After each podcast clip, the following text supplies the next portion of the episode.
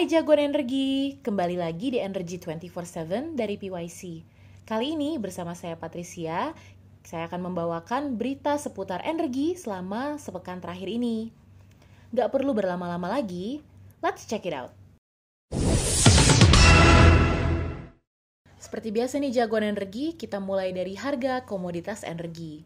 Untuk harga minyak, ada Indonesian Crude Price yang di bulan Oktober ini masih mengikuti ICP di bulan September, yaitu sebesar 86,07 US dollar per barrel. Sementara untuk harga minyak internasional, ada West Texas Intermediate yang berada di kisaran harga 84,78 US dollar per barrel, dan ada harga minyak Brent yang berada di kisaran harga 90,91 US dollar per barrel. Berikutnya, untuk harga batubara acuan di bulan Oktober ini, sekarang berada di angka 330,97 US dollar per ton. Dan ada juga Newcastle Coal Price per tanggal 26 Oktober tercatat sekitar 390 US dollar per ton. Berikutnya, berita dari sektor migas. Pertamina EP temukan cadangan gas baru di Cepu.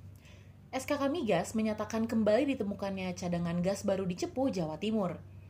Nah, cadangan gas itu ditemukan oleh Pertamina EP Regional 4 Zona 11 di selatan wilayah kerja onshore Cepu, Jawa Timur. Pengeboran sumur eksplorasi ini memiliki objektif utama di Batu Gamping Formasi Kujung.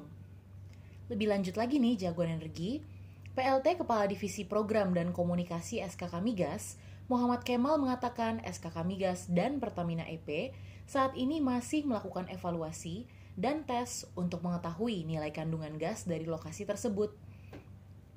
Menurut Kemal, penemuan cadangan itu menjadi upaya SKK Migas bersama kontraktor kerjasama atau KKKS untuk mengejar target 1 juta barrel minyak dan 12 BSCFD gas di tahun 2030 mendatang. Kita lanjut lagi jagoan energi. Sekarang kita masuk ke sektor mineral dan batubara atau Minerba. Asosiasi Pertambangan Batubara Indonesia atau APBI menyebutkan adanya permintaan batubara dari pasar Eropa yang terus meningkat. APBI mengungkapkan adanya peningkatan permintaan dari pasar Eropa dan dari data sementara volume ekspor sekitar 4 juta ton. Direktur Eksekutif APBI, Hendra Sinadia menjelaskan, Peningkatan tersebut umumnya berasal dari sejumlah negara, khususnya Polandia, Italia, Spanyol, Belanda, Yunani, dan Jerman. Secara rinci, ekspor batubara ke Uni Eropa pada bulan September lalu tercatat sebesar 161,69 juta US dollar. Angka tersebut naik 68,05 persen dari bulan sebelumnya. Bahkan, Deputi Bidang Statistik Distribusi dan Jasa BPS Setianto mengungkapkan ekspor batubara ke kawasan Uni Eropa di bulan lalu adalah angka tertinggi dalam empat tahun terakhir. Selanjutnya, berita dari sektor kelistrikan. Di saat lubernya listrik, dua PLTU raksasa direstui untuk beroperasi. Nah, jagoan energi. Jadi Kementerian SDM rupanya telah merestui pengoperasian atau Commercial Operation Date atau COD sejumlah pembangkit listrik tenaga uap berkapasitas besar. Pemberian izin tersebut diberikan saat RI tengah mengalami kelebihan pasokan listrik. Setidaknya terdapat dua PLTU yang sudah mendapatkan izin untuk beroperasi dan masuk dalam sistem kelistrikan nasional, yaitu PLTU Tanjung Jati B yang berkapasitas 2 kali 1070 MW dan PLTU Batang yang berkapasitas 2 kali 1000 MW. Sebelumnya, Kementerian ESDM menyebut PT PLN Persero saat ini tengah didera isu kelebihan pasokan listrik. Nah, kondisi tersebut akan berdampak pada kondisi keuangan perusahaan tersebut. Sementara, Sekretaris Jenderal Kementerian ESDM Rida Mulyana menyatakan, hingga akhir tahun ini, kelebihan pasokan listrik PLN bahkan sudah mencapai angka 6 gigawatt angka yang besar ya jagoan energi. Berikutnya jagoan energi, berita dari sektor perubahan iklim. Ada kiamat di Pantura tahun 2030, lahan tenggelam bak Atlantis. Berita diambil dari CNBC Indonesia tanggal 25 Oktober 2022.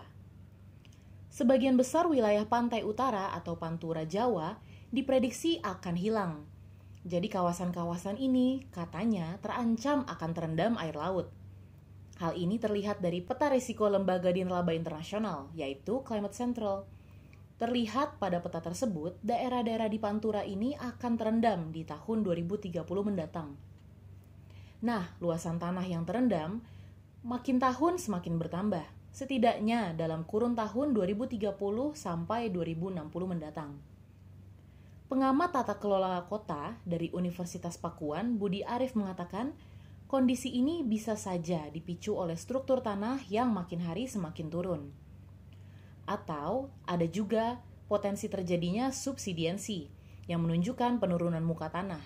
Salah satu alasan lainnya bisa saja efek perubahan iklim.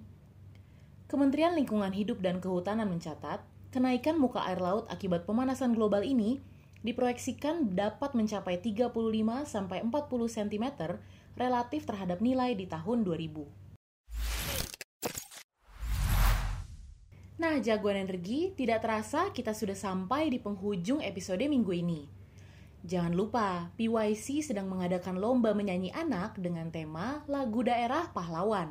Untuk berpartisipasi, kalian jangan lupa cek semua media sosial PYC. Ada Instagram, Twitter, LinkedIn, Facebook, ada juga YouTube channel, dan jangan lupa untuk cek website kita juga. Sudah dulu ya jagoan energi. Stay safe and see you next week.